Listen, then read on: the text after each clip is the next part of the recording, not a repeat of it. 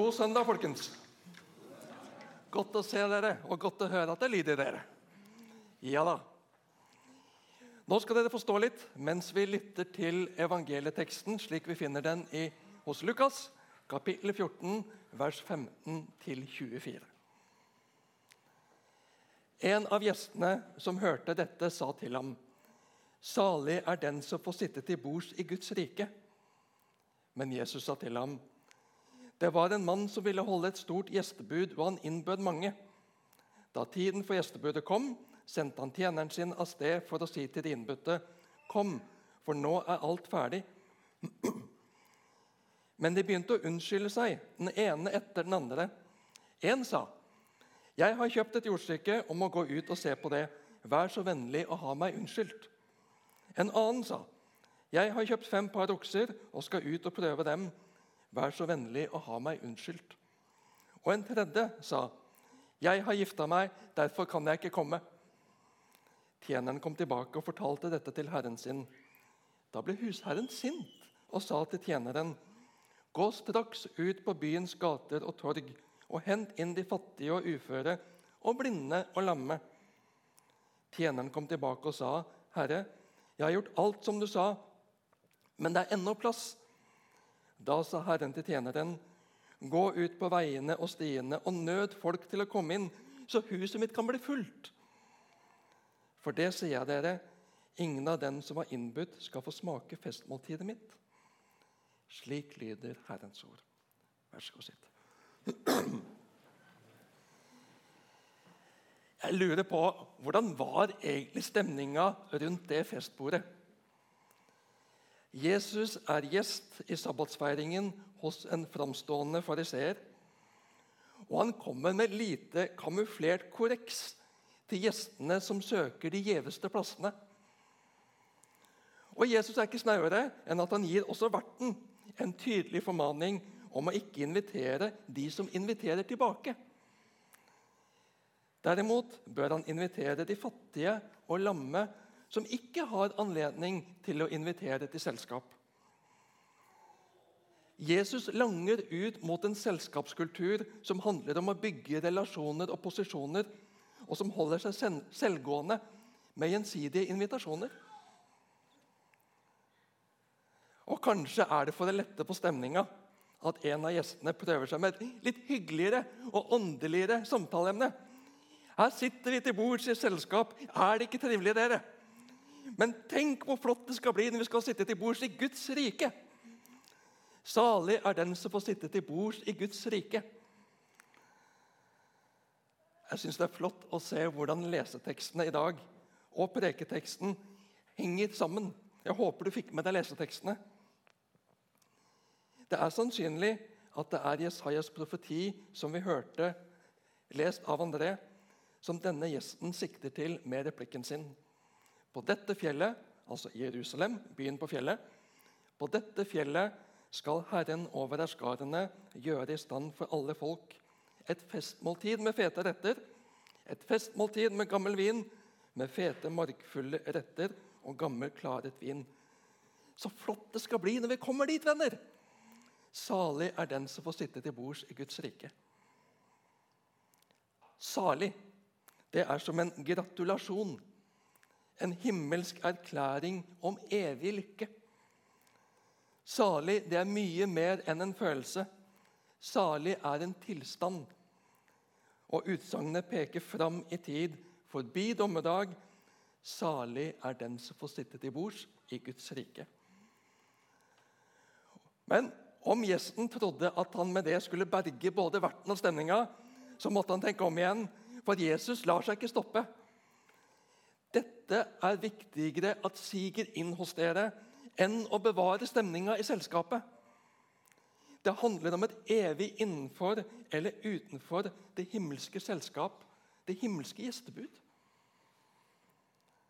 Da tiden for gjestebudet kom, sendte han tjeneren sin av sted for å si til de innbudte.: Kom, for nå er alt ferdig. I oldtidens gjestebudsskikker var det vanlig med dobbeltinnbydelser. Først så fikk man en generell invitasjon uten dato og klokkeslett. De som takket ja, De ble siden oppsøkt på nytt av vertens tjener like før selve gjestebudet med varsel om at nå er tiden inne. Vi bruker uttrykket når vi innbyr til nattvær 'Kom, for alt er ferdig'. Eller 'Kom, for nå er alt ferdig'. Vi får ta imot tilgivelsen med tomme hender og åpen munn. Jesus brakte den til veie ved sin soningsdød i vårt sted på korset på Golgata. Så er invitasjonen til nattverden en beskjeden forsmak på og en påminner om den store himmelfesten som vi inviteres til av Gud vår Far i himmelen. Og Det er der fokus er hos Jesus i alt han gjør. At mennesker skal ta imot frelsen. At mennesker skal ta imot invitasjonen hjem, tilbake til far. Vi kan bli så redd for å støte eller skape dårlig stemning at vi ikke våger å snakke om livets mål og mening med folk. At vi tier om at Gud inviterer alle mennesker til seg. Gud er for fest og feiring i den forstand at han inviterer oss inn i fellesskap og glede. Gud er imot ensomhet og at enhver skal være opptatt med sitt. Gud samler. Gud er gledens herre. Gud bruker festen, gjestebudet, bryllupet, det gode måltidet, fellesskapet som bilder på det han har for oss, som han inviterer oss til. Utfordringen er, og smerten er, at vi ikke har tid. Og det gjør verden sint av fortvilelse. Det er som at vår himmelske Far, Jesus for frelse, sier du skjønner ikke hva du går glipp av. Du skjønner ikke hva du sier nei til. Men de inviterte de kommer bare med en lettvint avvisning. 'Beklager, jeg skulle gjerne kommet, men dessverre så' Og så kommer leksa. 'Jeg har ikke anledning, jeg er så lei for det.' Du skjønner at Unnskyldningene kommer i fleng. Jeg har endelig fått realisert drømmen som jeg har hatt i så mange år. Jeg har kjøpt meg en gård, jeg har blitt bonde, og nå står jeg på hodet i alt arbeidet. Jeg har kjøpt meg fem traktorer. Det vil si, traktor var ikke funnet opp ennå på Jesu tid. Fem par okser de gjorde mer eller mindre det samme nytten. Disse to de representerer rikdommen materiell velstand som tar oppmerksomheten, som tar tiden til en, som tar fokus og engasjement, og som går utover relasjoner. Som går utover det en egentlig ønsket og egentlig hadde lovet. Vi blir fanget i luksusfellen, noen og enhver. Når vi må se til hytta når vi egentlig skulle invitert noen nye naboer eller folk fra menigheten når vi styrer med bilen og båten, når barnet skulle ha tida og oppmerksomheten vår. Når jobben ble viktigere enn familien. Når vi bekymrer oss for pensjonen og pensjonisttilværelsen. Når vi skulle gledet oss over velsignelsene Gud gir i dag.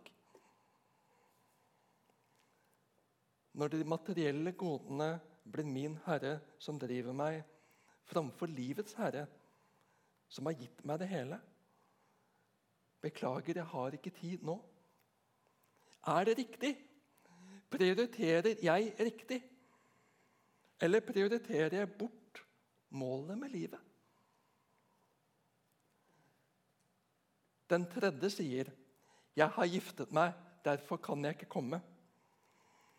Og I møte med det så dukket det opp i minnet en fargeklatt av en misjonsstudent på kullet over meg på det som nå heter Fjellhaug internasjonale høgskole. Vi er tilbake midt på 90-tallet. Han var nygift, strålende forelska. Det syntes lang vei. Og Han sto denne morgenen på talerstolen i auditoriet og hadde dagens morgenandakt. Og Han leste begeistra fra 5. Mosebok 24 om lover om krig i gamle Israel. Nå skal du høre. Om en mann er nygift skal han ikke dra ut i krig og ikke bli pålagt andre plikter. I ett år skal han være fri til å være hjemme og være til glede for kvinnen som han har giftet, giftet seg med. Det er ikke verst. Sånne lover skulle vi hatt i Norge i 2023 også, eller hva? Det er ikke usannsynlig at det er nettopp denne paragrafen var bakteppet for Jesu eksempel. I Israel var mannen fritatt fra krigstjeneste første året etter at han gifta seg. Men det holder ikke som unnskyldning til å takke nei til det store gjestebudet. Himmelen kan vente. Eller 'Heaven Can Wait' het en film som kom ut i 1943. Tyder på at den var populær, for det kom en ny utgave i 1978. I hvert fall en film med samme tittel. Iron Maiden, Meatloaf, Michael Jackson sang i tur og orden det samme. Er vi også der? Har vi det så bra her i vakre, rike Norge? Vi vil nyte livet her. Himmelen er i grunnen ikke så interessant. Den kan vente. Hvetebrødsdagenes mentalitet. Livet er herlig, dette er himmelsk. Jeg kan ikke tenke meg noe bedre. Det har blitt sagt, ikke helt uten grunn, at vi har det så godt i Norge at vi har ikke behov for Gud og himmel. Det var annerledes i mellomkrigstiden, hvor knapphet og nød var en realitet for mange. Det var vekkelsestider. Det er annerledes i Afrika, hvor sult og hungersnød stadig rammer. Der har de bruk for Gud. I Jesu lignelse ble husherren sint. Akkurat som foreldre er både fortvilte og opprørte over barnet som lar seg oppsluke av rusen, og som dras dypere og dypere ned i rusavhengigheten. Som lukker ørene for fars og mors formaninger, trygling og bønn om å snu om på livet, om å ta imot hjelpen som tilbys.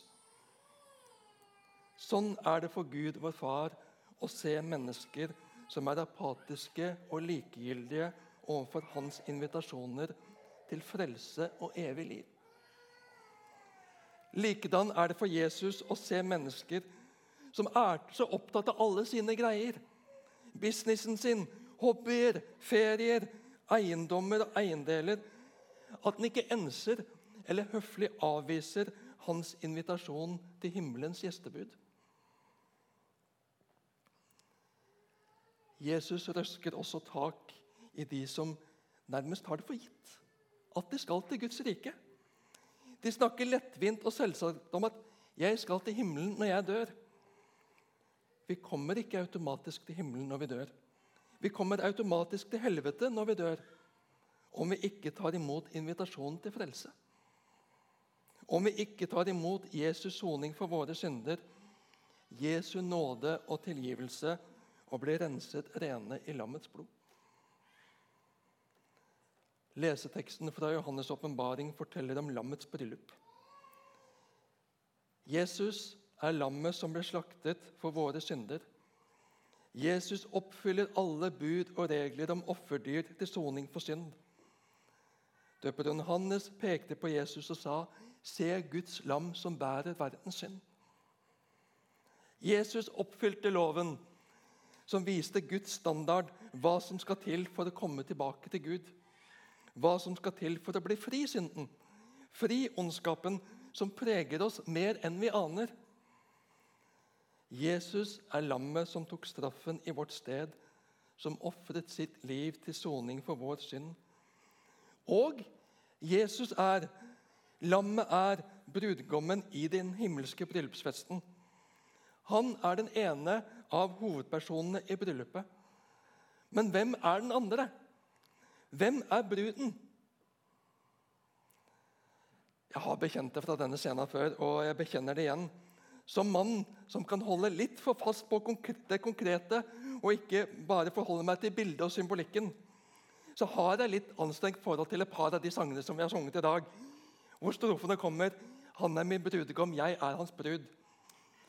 Jeg sliter litt der, men jeg ser at det er et bibelsk motiv. Det er en bibelsk bildebruk, så da skal jeg prøve å svelge den. Bearbeide meg sjøl på å ta symbolikken, ta bildet, ta innholdet mer enn bildet av brudeparet. For her er det en dyp sannhet.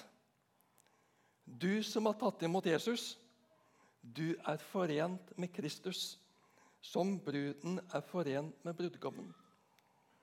Du tilhører ham, og han er din. Livet med Jesus er en nær og fortrolig relasjon. Ingenting må få komme mellom dere.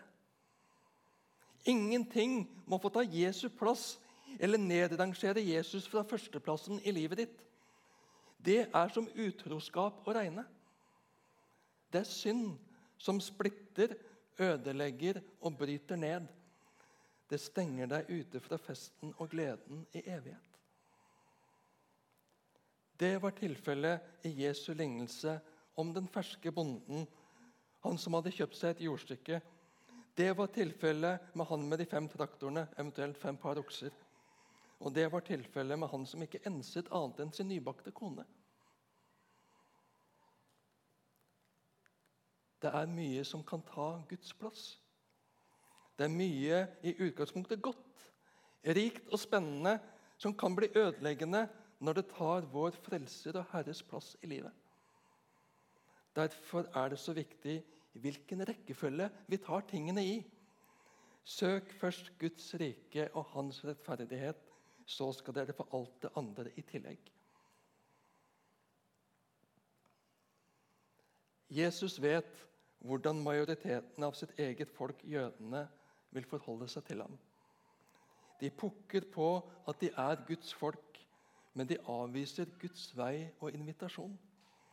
De hadde alle forutsetninger, men de så seg blinde på sitt eget. Inntil i dag avviser majoriteten av jødene Jesus som Messias, Jesus som frelser, som den himmelske brudgom, som veien til Guds rike. Noen ser, noen tar imot, og de kommer inn. Og Guds ord sier at en dag så skal de ta imot og de skal bli frelst. Men deres avvisning ble en umiddelbar foranledning for at invitasjonen gikk ut på gater og torg til de som ble ansett som uverdige, som ikke fikk de religiøses gunst og oppmerksomhet i det gode lag. På veiene og ved gjerdene oversettes det med i Norsk bibel 88. Utenfor bymuren kan det bety. De utenfor skal ikke være utenfor, men inviteres inn. Hedningene, andre folkegrupper, skal inviteres inn. Til og med barbariske vikinger, nordmenn, inviteres inn. Ja, alle verdens folkegrupper må få høre fars invitasjon til å komme hjem. Til frelse og fred, til frihet og glede i evighet.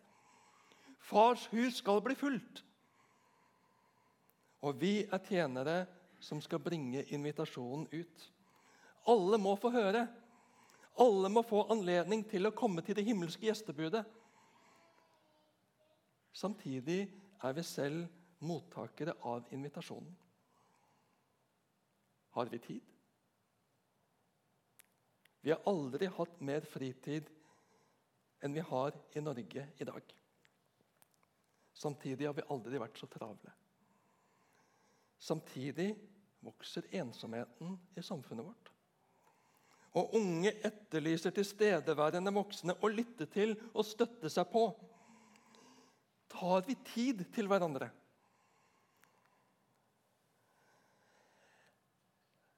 Det som kommer nå, er ikke en typisk misjonssambandsmetafor. Det vet jeg, men jeg tar sjansen. Det får briste eller bære. For etter å ha snakket med en del både unge og eldre i menigheten, så ser jeg for meg Misjonshuset som ungdom på fest på bygdelokalet. De eldre sitter på den ene sida, de unge sitter på den andre sida. Alle vil egentlig møtes på midten på dansegulvet, men ingen, ingen våger å by opp den andre til dans. Jo da, alle er opptatt. Alle har så mye. Men har vi råd til å ikke involvere oss mer i hverandre? Har vi råd til å ikke invitere de unge inn i våre liv? Invitere de eldre inn i våre liv? Den felles rikdommen, gleden og freden som ligger der og venter på å foldes ut. Men én må våge å ta det første skrittet. Ta kontakt med en av en annen generasjon som du så langt ikke kjenner så godt, på kirkekaffen etterpå. Inviter ut på en is. Inviter hjem på kaffe.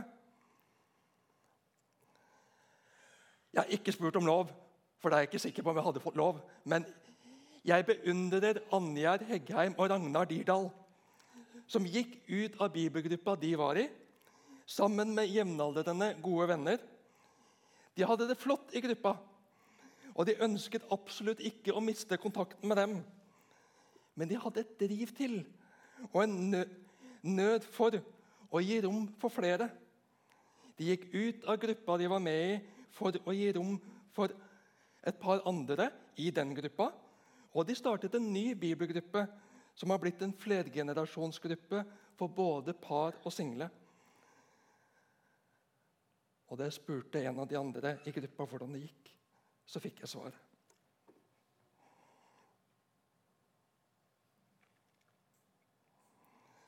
Bibelgruppen vi fikk være med i, er satt sammen av vår gode far. Så det er helt perfekt for oss. Takk. Takk. Du har en far som har så inderlig omsorg for deg. Får han favne deg? Har vi tid til å ta imot hans invitasjon inn i sin nærhet? inn i hans rike. Du har en far som har så inderlig omsorg for de rundt deg. Har du tid for dem? Våger du å ta kontakt, så det, der det er naturlig, gir rom for en ny relasjon, et vennskap, til felles glede, styrke og velsignelse?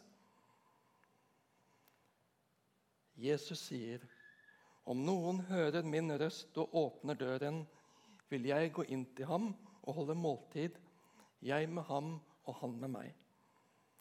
Den som seirer, vil jeg la sitte sammen med meg på min trone, slik jeg selv har seiret og satt meg med min far på hans trone.